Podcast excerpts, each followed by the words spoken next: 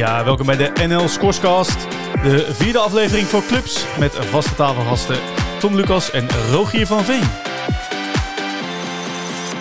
Ja, welkom aan uh, alle luisteraars. En uh, ja, ook weer uh, terug van weg geweest. welkom Rogier van Veen. Ja, dankjewel Tom. Ja, de vorige keer in de aflevering voor uh, heb ik het met Tony Schwab en Daniel Lagerwaard gehad over, over de eredivisie. Ja, toen, toen moest ik het toch echt even in mijn eentje doen. Maar het, het voelt toch wel weer fijn om je tegenover me te hebben hoor. Nou, dat is positief om, positief om te horen. De derde aflevering Clubs heb je overigens ook alleen gedaan. Met Lodewijk Klootwijk, de special van Platform Ondernemende Sport. Dus nee, ik ben, ben weer terug en ik ben er klaar voor. Ja, nou ja, dat verklaart misschien ook waarom de even wat tijd zat tussen de ene clubaflevering en, en de andere. Ik moest denk ik daar nog, uh, nog van bij komen, al dat editen en doen. En, uh, nee, uh, helemaal goed. Fijn om je er weer, weer bij te hebben. Want ik ja, denk dat we een aantal leuke onderwerpen op het programma hebben staan. Outdoor squash, een onderwerp wat we al eerder wel eens hebben aangekaart in deze, in deze podcast. Maar we gaan het er vandaag echt over hebben met een van de grondleggers van outdoor squash, Rick Zwicker. En we gaan het hebben over de meerwaarde van het prof-evenement op je club. Ik denk twee hele mooie onderwerpen voor, voor clubs in Nederland. Ligt vaak net iets buiten de scope voor clubs waar ze op uh, alledaagse basis mee bezig zijn. Maar nog steeds super interessant kunnen zijn voor clubs om nou, of nieuwe verdienmodellen te creëren of community aan te sterken binnen de club. Dus zeker leuk om daar met uh, Rick en met Mark daar uh, zo over in gesprek te gaan. Ja, want de timing kan volgens mij niet beter. We hebben een stagiaire die begonnen is uh, op het bondsbureau om echt aan de gang te gaan met autosquash. Dus dat is helemaal super. Dus het komende kwartaal kunnen we ook lekker stappen gaan zetten. De lente gaat beginnen. Uh, mensen gaan uh, meer naar buiten om weer lekker te sporten. Het zonnetje gaat, gaat schijnen. En dan zie je toch ook wel vaak de omzetdaling bij, bij menig, menig clubs. Ja, en wellicht dat de autoscourse daarin ook ja, een mogelijke uitkomst kan bieden. als uitbreiding van het product- en dienstenaanbod om het hele jaar lang relevant te kunnen zijn ja, daarin is het denk ik uh, heel mooi om, uh, nou, ik denk toch wel uh, te zeggen, de grondlegger van Outdoor Squash bij ons in, in de studio uit te nodigen. Rick Zwicker, welkom. Dankjewel. Ja, leuk dat je er, erbij bent. Ja, misschien eerst even een klein beetje naar, naar jouw achtergrond. Ehm, outdoor Squash, je bent er inmiddels denk ik al een jaar of nou ja, twee, drie volgens mij mee, mee bezig. Maar wat je in het dagelijkse leven doet, is, is toch ook wel weer wat, wat verschillend. Ja, klopt. Goed, ik heb, ik heb een meer technische achtergrond. Ik heb uh, bouwkunde gestudeerd. Uh, uiteindelijk meer in de vastgoedontwikkeling terechtgekomen. En een stukje gebiedsontwikkeling. Dus wel met de inrichting van ruimtes bezig geweest. En daarnaast eigenlijk al uh, heel lang ook uh. Dat kwam op een gegeven moment op een bepaald moment samen. Ja, leuk. Dat moment is uh, volgens mij, wat ik net zei het net al, drie, uh, drie jaar geleden. Het is misschien dan ook weer niet heel gek als bouw, uh, bouwkundige dat je met dit project bent, bent gestart. Want hoe, hoe ben je dan op, op dit idee gekomen? Want ja, ik word niet ochtends wakker en ik denk ik ga outdoor squashbanen bouwen. nee, nou, dat kwam eigenlijk denk ik wel tijdens coronatijd. Daarvoor had ik er wel langer over gedacht, maar niet echt heel serieus genomen nog, dit idee. En dat kwam omdat we in de coronatijd natuurlijk niet konden squashen. Toen waren een aantal jaar die de scoresbanen gesloten, ben ik vooral veel gaan peddelen met mijn uh, scoresteam. En ik kwam erachter dat ik vooral het buitensporten gewoon heel erg lekker vind. Zeker gewoon in, uh, in het voorjaar en uh, in, in, de zomer. En dat was voor mij ook reden van ja, goh, waarom eigenlijk de scorsen niet buiten? En dat was een vraag die we met ons scoresteam op een gegeven moment stelden. En dacht ik van ja, ja, waarom is dat eigenlijk zo? Dus ben ik gewoon eens naar op zoek gegaan. En dat kwam eigenlijk ook wel goed samen. Ik was net voor mezelf gestart met een bedrijfje en ik had een klus voor drie dagen in de week, waar ik nog een paar dagen over had.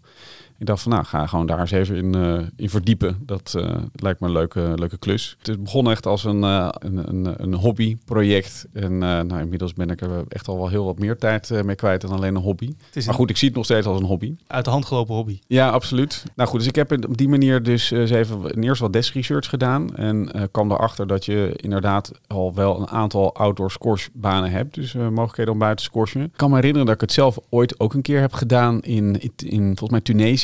Daar had je ook uh, uh, daar een keer bij een hotel gezeten waar ze ook buiten scoresbanen hadden. Dat is me ook wel bijgebleven. Maar als je op internet zoekt, dan zie je eigenlijk maar heel weinig voorbeelden ervan. Uh, in ieder geval echt goed functionerende banen. En degene die je echt ziet, die ook wel gebruikt worden, die zitten, die staan eigenlijk op plekken waar het klimaat het ook toelaat. Maar ja, dat is natuurlijk in Nederland toch wat ingewikkelder met in dit klimaat. Het enige vergelijkbare voorbeeld, in ieder geval met eenzelfde soort klimaat, is in New York. In New York heb je een een outdoor scoresbaan staan. Die is helemaal van glas en nou, dat zag er prachtig uit. Dus daar heb ik ook gewoon contact opgenomen met de initiatiefnemers daarvan. En uh, die waren laaiend enthousiast over de baan. Zei het niet dat hij eigenlijk na een jaar al kapot was. Omdat ja, de vloer het had begeven. Glaspanelen op een gegeven moment ook uh, niet meer uh, netjes in, in het frame bleven hangen. Daar ja, hebben ze eigenlijk de fout gemaakt dan dat ze een indoorbaan outdoor hebben neergezet. Ja, ja, dat klopt. Dat was eigenlijk uh, inderdaad een van de banen ook die uh, wel vaker wordt gebruikt, ook voor uh, tijdelijke evenementen. Ook binnen, maar die dus ook af en toe dan buiten neergezet wordt. Nou, dat type hadden ze daar neergezet, maar ja, dat bleek dus niet bestand tegen de elementen. Want dat was dan ook wel weer een hele andere baan dan die baan in Tunesië waar je het net over had. Ja, ja. En in Tunesië, dat was wat ik me daarvan kan herinneren, was volgens mij gewoon een betonnen baan. Betonnen wanden, uh, en betonnen vloer. En uh, volgens mij, ja, ik weet niet eens of er nog een putje in zat om het water af te voeren. Maar dat was volgens mij niet eens nodig daar. Want als je daar uh, in een jaar misschien een paar dagen regen hebt, dan is dat veel. Dus daar is dat niet nodig. Maar dat, dat is hier natuurlijk wel degelijk anders. Dus wil je het hier in, in een klimaat als in Nederland mogelijk maken, dan, heeft dat, dan vraagt dat gewoon een hele andere opbouw. Dus je, eigenlijk kunnen we stellen, je hebt in de wereld rondgekeken, de lessons learned daaruit gehaald. Ja. en vervolgens hier eigenlijk je eigen concept ontwikkeld. Wat maakt dat concept van jou nu eigenlijk zo uniek? Nou, wat denk ik belangrijk is, de, grootste uitdaging zit hem dus in dat je uh, bestand moet zijn tegen weer en wind. En dat is eigenlijk in, in het beginsel natuurlijk uh, regen. Ja, uh, wij zijn gewend natuurlijk op een houten vloer te scorchen. Nou, dat kan dus al niet buiten. Daarnaast heb je natuurlijk, als je hem buiten wil plaatsen, heb je te maken met een voorwand en een zijwand die een bepaalde hoogte heeft. Nou ja, ik heb dus bouwkunde gestudeerd, dus ik weet dat wat voor effect dat heeft, zou ik maar zeggen, op je constructie als je een voorwand van uh, minimaal 4,5 meter hoog hebt, dus daar winddruk op komt. Uh, zeker in Nederland, als er een keertje een uh, goede herfststorm voorbij komt, om dan het geheel overeind te houden. Nou, die, die twee dingen, dus enerzijds dus die windbelasting en die regen, om dat te verwerken tot een, ja, in een ontwerp, dat, dat, dat was de grootste uitdaging. Maar inmiddels is dat ook vrij goed gelukt en zit je volgens mij al in een doorontwikkelfase.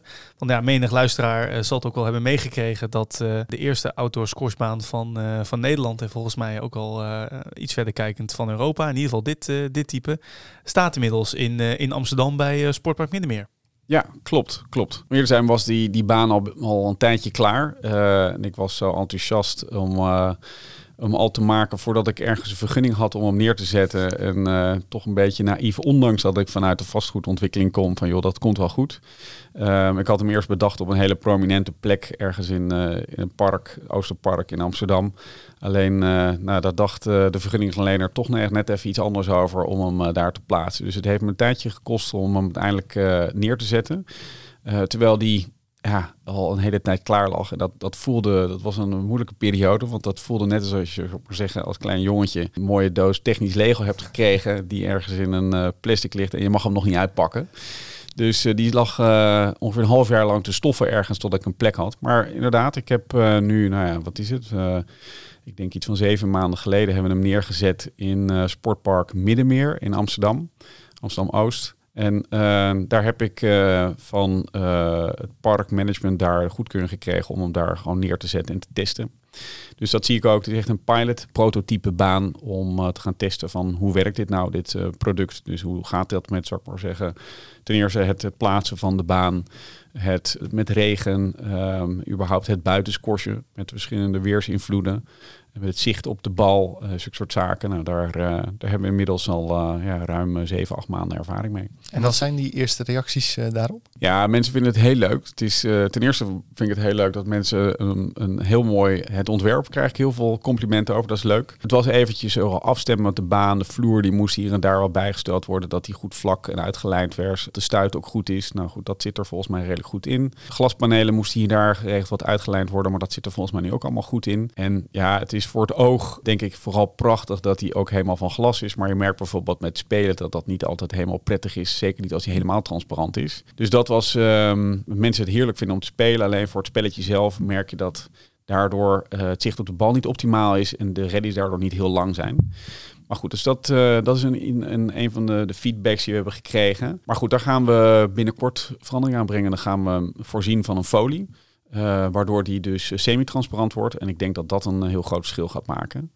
Tezamen met een nieuw soort bal die we erop gebruiken. Die ietsjes groter is, een iets andere kleur, waardoor het zicht er ook aanzienlijk beter op wordt. Ja, want je hebt de regulier squash op die outdoorbaan gedaan, squash 57. En dan nu ook nog weer een, een, een soort type bal wat daar tussenin zit, als ik het goed begrijp. Klopt, klopt. Het is ja, een slagje groter dan uh, scoresbal. Ik meen dat een scoresbal iets van 4 centimeter in doorsnee is. Ik denk dat deze iets van 5, 5,5 centimeter is. Dus daar iets groter, daardoor zou ik maar zeggen kleine oneffenheden op de baan heb je daar ook minder last van. Dus je stuit daardoor beter. Voordeel van deze bal is hoef je ook niet warm te slaan. Dus dat is voor buiten ook wel lekker. Ik speel er geregeld ook op, uh, ook zelfs uh, als het ongeveer vriest. En als je dan een normale scoresbal moet warm slaan, nou ja, dan, uh, dan ben je even bezig. bezig. Ja. Maar dat is met deze bal is dat niet nodig, dus dat is heel prettig. Um, ja, en doordat hij groter is, is hij ook gewoon beter te zien. Dus dat scheelt. Laatste tijd hoor je in het, uh, in het nieuws ook wel heel veel rondom padel en de geluidsoverlast wat uh, padel natuurlijk veroorzaakt. Um, hoe, hoe zit dat met dan die, die, die outdoor scoresbanen? Ja, dat, is, um, dat was mij ook ter oren gekomen. En ik ben in de tussentijd ook met verschillende plekjes bezig om te kijken van ja, kunnen we ook echt een soort van parkje maken. Dus uh, dat we er gewoon meerdere scoresbanen neerzetten om ja, is echt ook een soort van klein clubje, uh, scoresparkje ergens te creëren. En daar kom je al heel snel ook plekken waar ook geluidsgevoelige objecten omheen staan, waaronder woningen. En daar heb ik uh, in ieder geval het verhaal dus ook meegekregen van, uh, van Peddle en ook meegenomen in dus de, de, de verdere ontwikkeling van uh, soort parkjes. Duidelijk is bij Peddle is dat het geluid overwegend, of niet, dat komt uit het racket, de piekgeluiden. Uh, bij scores komt dat, is dan maar niet het racket, maar is dat de voorwand. Waar de bal met nou ja, soms al uh, tot uh, snelheden van 200 km per uur tegenop scorst. En dat, uh, dat piekgeluid, dat moet je zien te ondervangen. En maar mijn conclusie is het duidelijk dat als je daar een glazen wand van maakt, zoals ik dat nu in mijn prototype baan heb, dan versterkt hij, zou ik maar zeggen, dat geluid, doordat die glasplaat mooi mee gaat zingen. En dat geeft een leuk effect voor het spel, maar voor omwonenden denk ik niet dat dat ideaal is. Dus het idee is ook dat als er geluidsgevoelige objecten in de omgeving zijn, dat je dus niet met een glazen voorwand gaat werken, maar met een betonnen voorwand. Want die geeft het geluid niet door. En het interessante dan, uh, de scoresbaan is gesloten. Dus het geluid wordt geblokkeerd door de voorwand en wordt vervolgens omhoog gestuurd omdat uh, de baan dicht is. En dat heb ik ook helemaal laten modelleren door een geluidsbureau. En ja, dat lijkt eigenlijk wel heel gunstig uit te pakken. Uh, waardoor je dus de afstand tot geluidsvoelige objecten ja, aanzienlijk korter is dan bij paddle of bij tennis. Klinkt eigenlijk wel heel mooi, alsof je nou, afhankelijk van de omgeving uh, waar je bent en met alle lessons learned al van het prototype eigenlijk toe bent gaan werken naar twee, misschien wel drie varianten. Een volledige glazen baan, een, een baan met een, een betonnen voorwand die wel al niet helemaal gesloten is. Heb ik dat dan een beetje goed samengevat? Ja, voor wat betreft het geluid, uh, scoresbaan is natuurlijk altijd rondom helemaal gesloten. Dus op die manier wordt dat geluid omhoog uh, geduwd. Dus dat maakt het, zal ik maar zeggen, dus uh, gunstiger dat het niet direct helemaal naar buiten uitwaaiert. Voor wat betreft het gesloten, boven is die zoals ik hem nu heb in middenmeer gewoon helemaal open. Maar ik ben inderdaad ook bezig met een, het volgende type om die eventueel te kunnen overkappen. Kijk, dus nou, voor omwonenden zo te horen is het in ieder geval gunstig nieuws. Ten aanzien van clubs, is het, is het bijvoorbeeld ook financieel interessant voor clubs om hier nu eh, in te gaan stappen? Ja, dat is uh, een goede vraag. Ik heb uh, vanuit het prototype gesprek gehad met diverse partijen die interesse hadden. Alleen ik kwam er al heel snel achter dat het hele financiële plaatje, hoe ze kijken naar zo'n scoresbaan, uh, dat het eigenlijk niet heel veel anders is dan dat ze naar, op dit moment bijvoorbeeld naar pedal kijken. Dat veel tennisclubs, maar ook zelfs scoresclubs op een gegeven moment pedal erbij nemen, ook als, uh, als extra voorziening. Nou ja, daar zit gewoon een, een bepaald uh, rendement op wat je kan draaien. En dat is enerzijds dus de, de investering van de baan. En anderzijds wat je daar ophaalt aan de hand van, zeg maar zeggen, je los baanvuur of je, je abonnementen. En dat bepaalt of je, nou ja, wat voor een periode je hem terug kan verdienen of je, wat voor rendement in een bepaalde periode opdraait. Nou, dat, dat zat een beetje scheef bij het prototype baan die ik had. Die uh, zag er prachtig uit. En ik kwam erachter dat gewoon een aantal onderdelen uh, van gewoon kostbaar waren. En de prijs die ik uh, daarmee had genoemd, ja, de, de geïnteresseerden gewoon niet wegkwamen. Dus daar is eigenlijk de les die ik heb meegenomen en afgelopen half jaar druk bezig ben geweest van joh, kan ik hem zo ontwikkelen dat hij qua investering gewoon uh, aantrekkelijk is. En vervolgens dat partijen of, of uh, clubs daar goed rendement op kan draaien. En ik denk dat ik inmiddels uh, dat heb. Klinkt denk ik veel, veelbelovend. Nou, mocht nou dat ik investeerder ben of clubeigenaar, misschien wel van een, een, een squash omgeving of misschien wel van een multisport locatie. En ik wil outdoor squash toevoegen aan mijn product of daar meer over willen, willen weten. ja, waar kan ik mij dan melden, Rick? Bij mij. 1-1-2 ringen. Ja. ja, heel goed. Ja, nee, klopt daar. Uh, uh, nee, zeker. Ik uh, sta op het punt, zou ik maar zeggen, even het nieuwe type baan. Uh, op meerdere plekken ben ik mee bezig om hem nu te realiseren. Ja, en ik heb eigenlijk wel de vertrouwen erin, zoals hij nu ontwikkeld is, dat hij op meerdere plekken nu geplaatst zou kunnen worden. En uh, ik heb inmiddels hem uh, ja, met de verschillende leveranciers en onderaannemers doorgenomen. En ik heb in die zin, zou ik maar zeggen, ook wel dusdanig beeld van uh, de kostprijs dat ik op dit moment ehm, ja, die stap al kan gaan maken om hem ook aan te gaan bieden. Nou, veelbelovend. Volgens mij kunnen ze dan naar outdoorsquash.nl. Ja. Kunnen ze meer informatie uh, opvragen. Maar volgens mij kunnen nou, andere luisteraars of mensen die uh, de prototypebaan uh, willen uit, uitproberen. Om, ja, net als jij en andere, andere inmiddels aantal squashjes, dat gevoel van buitensquashje willen, willen ervaren. Kunnen ze volgens mij ook naar autosquash.nl. En kunnen ze volgens mij nog steeds gratis de baan uittesten. Klopt, ja. Nee, omdat uh, dat is de afspraak die ik heb gemaakt met parkmanagement, waar die nu staat. Zegt van joh, je mag hem daar kosteloos neerzetten. We helpen hem ook voor je opbouwen. Dus dat is echt heel netjes.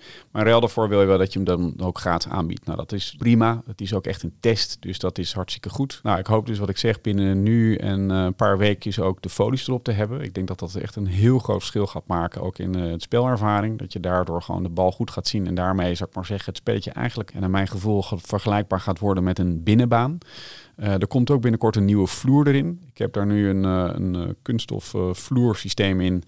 Um, wat goed werkt als het droog is. Maar als het enigszins vochtig wordt, vind ik hem zelf nog iets te, te glad. Dus daar gaan we nu een nieuwe vloer voor neerleggen. Ook gewoon om te testen. En misschien is die, zou kunnen dat we die bijvoorbeeld alleen dan toepassen voor de de winter- en herfstperiode, de zomer wel overgaan nog, zou ik maar zeggen, het vloertype dat we nu hebben. Want die, werkt, die, die speelt eigenlijk gewoon best heel, eigenlijk heel erg fijn. Zeker als het droog is. Maar goed, dus dan uh, betekent dat uh, over een paar we weekjes dus uh, de baan dusdanig is eens vernieuwd en mij zo speelbaar is dat ik iedereen uitnodig om hem uit te testen en graag hun, feedback daarvan ophaal. Nou, ik denk een mooie uitnodiging en oproep aan, aan alle luisteraars met naar de nieuwe doorontwikkelingen en het mooie weer wat eraan gaat, uh, gaat komen. Dan ga ik je danken, Rick, voor het uh, inkijkje in, denk ik, een heel mooi proces wat je hebt uh, doorlopen.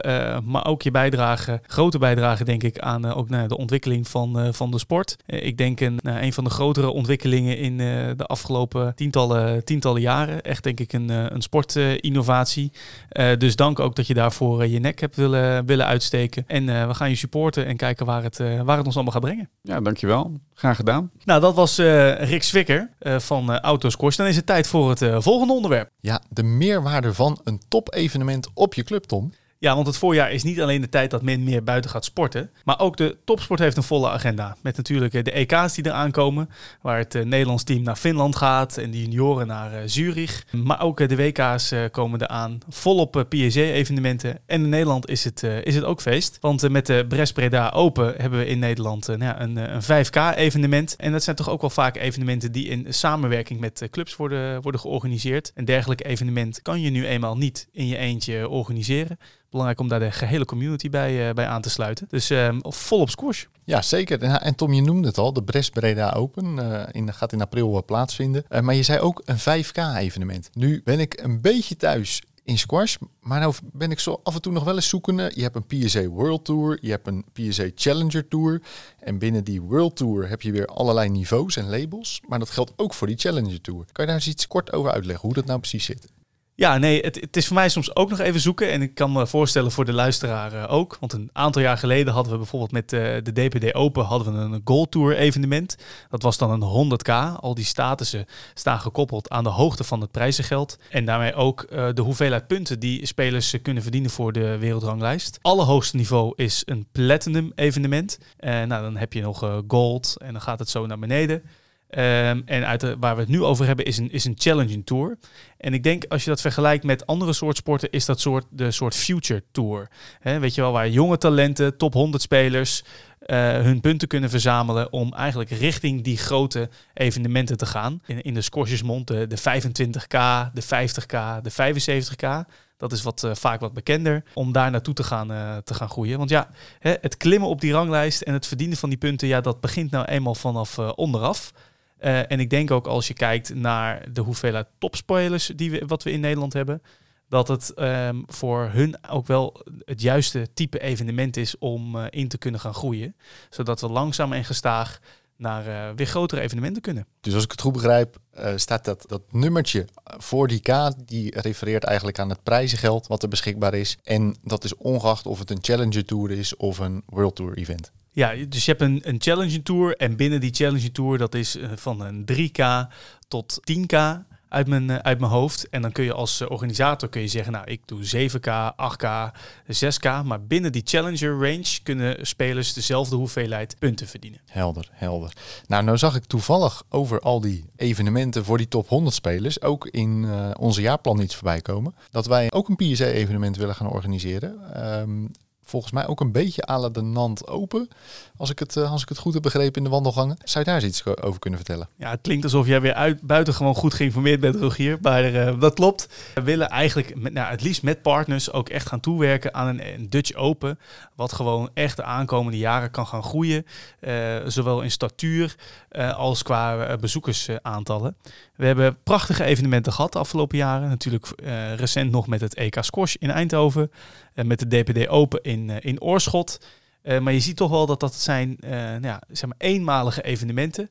Dus een ongelofelijke mooie push voor de sport. Maar we willen nu eigenlijk meer gaan toewerken naar een evenement wat op de, eh, op de lange termijn echt kan gaan groeien. Met ook meerdere partners, meerdere sponsoren. Maar waar ook de lokale community zich veel meer aan kan, kan gaan verbinden. Zodat we een veel bredere groep kunnen gaan laten profiteren van, van dergelijke evenementen. Als ook dat we de topspelers in Nederland gestaag uh, kunnen laten groeien in het aantal punten wat, uh, wat zij verdienen. Uh, en de Brest Breda Open is, is daar ook van harte welkom in. Uiteindelijk willen we meerdere soorten grootschalige evenementen in, in Nederland.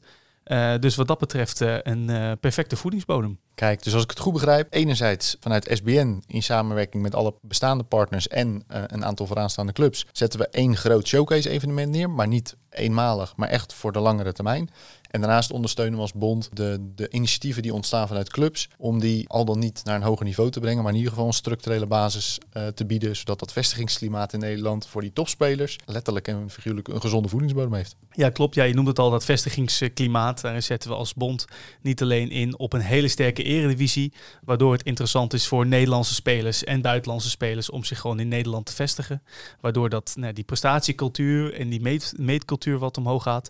Maar inderdaad ook uh, diverse top-evenementen. En je ziet daar de Scoreslife Tour is daar ook een enorme belangrijke partner in. Die heel veel 1K-evenementen, nou, dat zijn dan weer de satellite-toernooien. Dat is dan weer on the Challenger. Heel veelvuldig in Nederland uh, organiseren. En dat is alweer een goede voedingsbodem. Nou, dan zie je dat we nu een prachtige club hebben als Brest Breda met een, uh, met een Challenger Tour. En wij hopen op termijn als Korsbond daarboven een Dutch Open te gaan zetten. Die de aankomende jaren zal gaan groeien. Kijk, nou dat klinkt vol ambities en, en heel mooi. Nou luister hier natuurlijk vooral de, de clubmanagers naar. En ik ben dan eigenlijk wel heel benieuwd, ja, maar wat is nou eigenlijk de meerwaarde voor zo'n club om zo'n uh, evenement te organiseren? Nou, het lijkt me dan heel leuk om uh, Mark de Sluis uh, erbij te gaan halen, de nou, organisator van dit evenement in samenwerking met Bres Breda.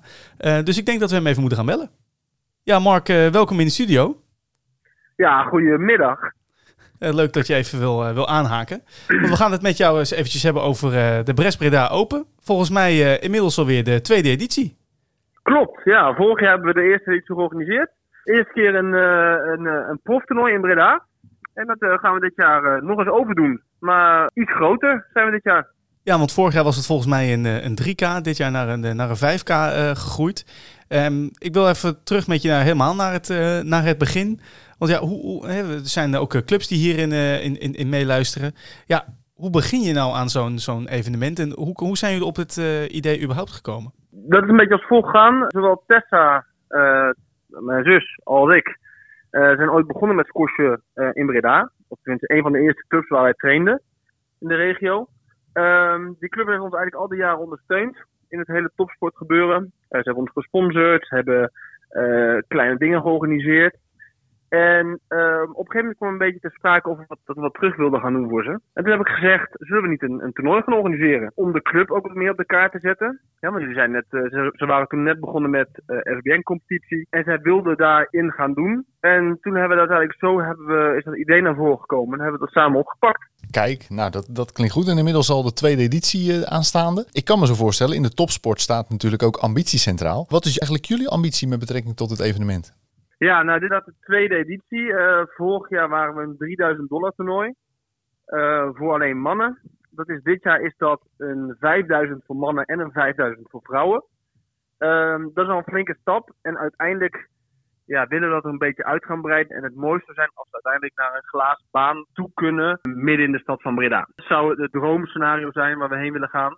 En als ik dan Ja. met jou in die, in die glazen bol kijk, ja, wanneer staat die glazen scoresbaan eh, in het centrum van Breda dan? Nou, dat zal vooral afhankelijk zijn of we, of we daarvoor de juiste sponsoren kunnen gaan, kunnen gaan vinden. Als ik daar een prognose moet geven, hoop ik een jaartje of vijf, zes hebben we het dan over, denk ik. Ja, want je zei net al, eh, je gaf net al aan, vorig jaar een 3K volgens mij alleen voor mannen. En dan hadden jullie ook een, een closed satellite eh, daaraan eh, aangekoppeld.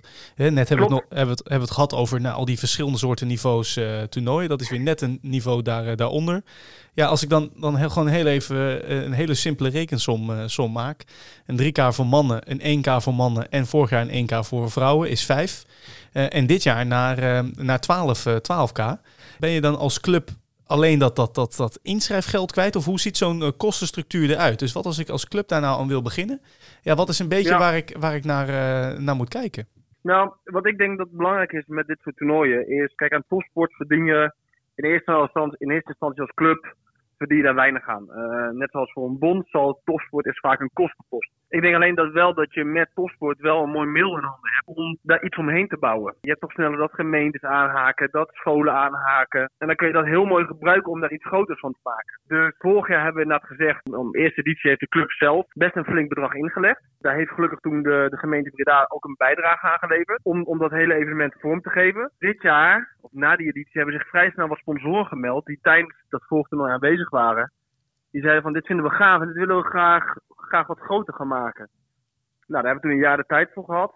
En nou, in die tijd hebben zich eigenlijk een vier, vijf sponsoren ge- gemeld. Die er eigenlijk voor zorgen nu dat, dat het toernooi volledig wordt gedragen door deze sponsoren. En de club die is nog wel facilitair als sponsor. Hè? Die regelt de banen, die zet personeel neer. Misschien wat kleine uitgaven, maar de grote uitgaven die worden gedaan door de sponsoren. En Mark, wat maakt het voor sponsoren zo interessant om dit toernooi te sponsoren?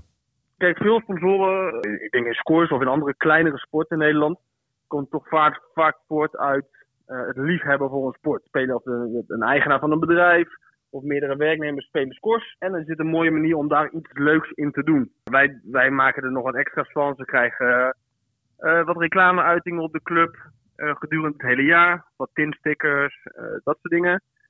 Tijdens het evenement hebben we een leuke sponsoravond. Ze komen een keer squashen met het bedrijf. Kijk, en daar zijn heel veel kleine dingen in te bedenken die voor, voor bedrijven al ja, interessant zijn. En dan hebben, weet je, we hebben het ook niet over gigantische bedragen. We hebben bijvoorbeeld sponsorpakketten gemaakt van 500 euro naar 1500 euro naar 3000. Dat zijn voor de meeste bedrijven zijn dat te overziene bedragen. En als je daar iets leuks tegenover zet, dan, ja, dan heb je een bedrijf vaak toch wel snel mee.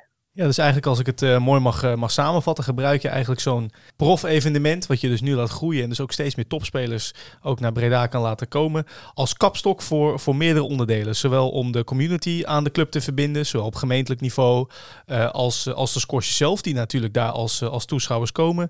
Maar ook voor eventuele nieuwe sponsoren en bestaande sponsoren die daarmee nou, iets meer meerwaarde krijgen, omdat ze zowel ja, sponsor kunnen worden voor de club met, alle, met een activiteitenplan erachter, als eh, mooie zichtbaarheid tijdens het, ehm, tijdens het evenement.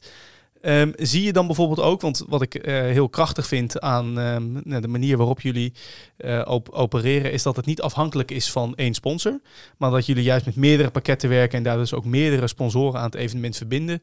Ehm, dat je de aankomende jaren wellicht aan een soort ja, Breda Open netwerk kan gaan, eh, kan gaan werken, waardoor eventueel bedrijven aan elkaar gekoppeld kunnen worden en ze door middel van sport misschien wel kunnen gaan netwerken. Nou, dat denk ik zeker. Ehm, kijk, het risico is, eh, wat je hebt als, als, als je één sponsor hebt van een groot bedrag. En die zegt na één jaar of twee jaar ik stop ermee. Dan is je hele evenement weg. Eh, en heb je zes of zeven sponsoren van wat kleinere bedragen. En valt er dan één weg. dan is het probleem te overzien. Dat is wel onze insteek geweest. Dan moet ik zeggen, als nou een bedrijf zich meldt met uh, een zak van 10.000 euro, dan gaan we daar ook in mee natuurlijk. Maar ik ben wel blij dat we nu vijf sponsoren hebben die ook op de lange termijn mee willen blijven werken. Nou ja, wellicht uh, richting het uh, Glasscourt event is denk ik je oproep mooi, helder en, en duidelijk. Laten we lekker gaan kijken naar, naar de deelnemerslijst, want ik begrijp dat de inschrijving inmiddels is gesloten. hoe ziet die eruit? Ben je content daarmee als organisator?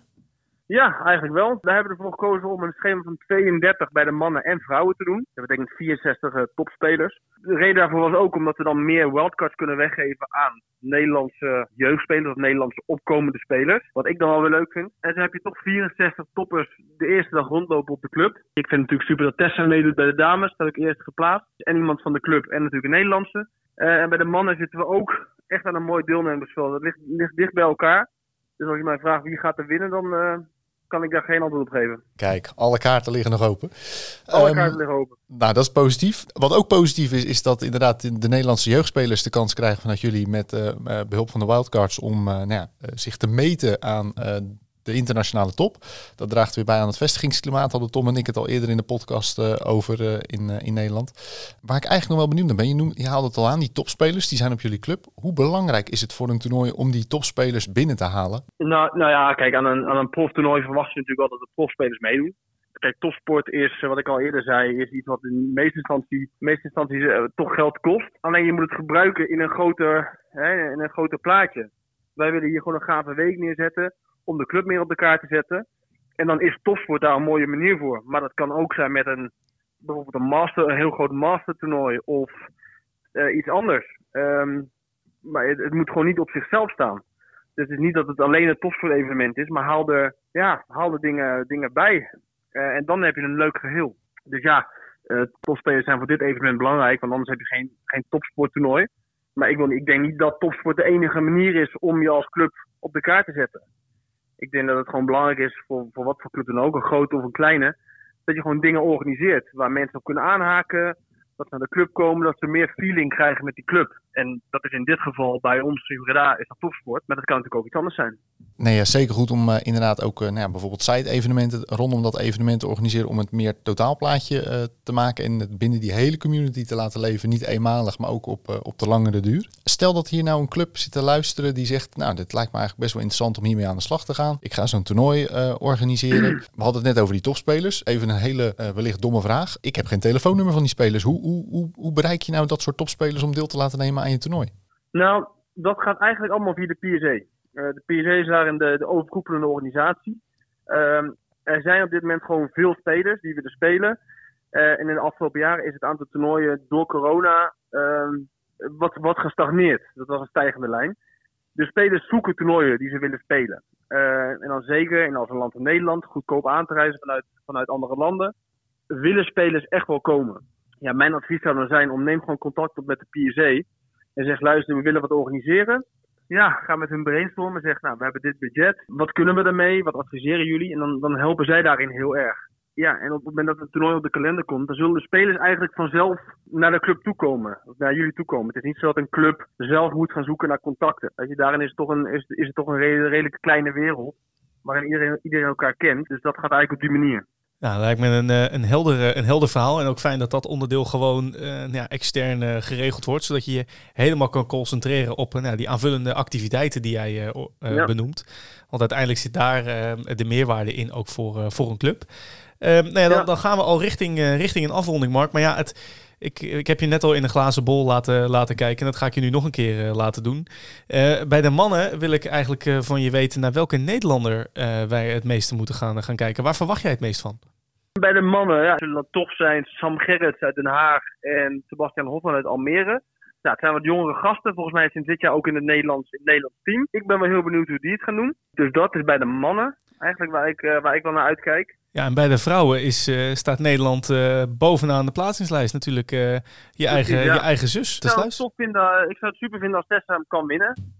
Wordt dan haar eerste PSA, PSA-win van een toernooi. Andere meiden die meedoen, en dat zijn er best wel wat. Elfie Marcus speelt mee, Suzanne Peters, uh, Renske Huntelaar, Menga van Drongelen, Sanne Veldkamp, Juliette. Dus daar doet, eigenlijk de hele selectie wel aan mee. Dus ik hoop daar gewoon wat upsets, weet je. Dat dat er een aantal de tweede ronde halen, of misschien wel verder. Daar kijk ik wel uit. Veel dames. Nou, we gaan het, uh, we gaan het nou volgen. Is het uh, waar we als uh, nou ja, bezoekers langs willen komen? Ik, ik, ik denk dat het bezoek gewoon, gewoon gratis is en dat ze het ergens on online kunnen volgen. Waar kunnen ze dan terecht? Klopt. Um, de schema's dat zingen zijn te vinden via de website van de PSA. De PSAWorldTour.com. Andere informatie is via de website van het toernooi. Dan kan je het makkelijk komen via de website van BRES. BRES, Breda's Studentensport. Ehm, en ik ga ervan uit dat de bond natuurlijk ook een aantal dingen gaat delen. Uiteraard, uiteraard. We zijn uh, hartstikke blij met, uh, met dergelijke evenementen. Uh, zowel voor de squash-fan als voor de profspeler. En nou, dan gaan we je danken voor nou ja, je tijd om aan te schuiven in, in de uitzending. En wensen je natuurlijk hartstikke veel succes. Super, nou bedankt. Nou, ik denk ook rondom het, de meerwaarde van evenementen een, een mooi inkijkje. En ik hoop dat het ook nou, een aantal clubs heeft geïnspireerd. Uh, mochten zij nou interesse in hebben om daar even wat meer details over te weten, neem gerust contact op met uh, de Scoresbond. Ja, en dan nemen we jullie graag mee. Ja, absoluut. Ik denk, uh, nou ja, wat je zegt, twee hele mooie gesprekken vandaag. En ik denk een hele informatieve podcast voor eigenlijk nou ja, bijna iedere club in Nederland. Dat denk ik ook. Dan ga ik iedereen weer danken. Jou Rogier, maar ook Rick en Mark die in de uitzending waren. En uiteraard ook alle luisteraars. hopelijk zijn jullie weer geïnspireerd. En hopelijk tot de volgende keer.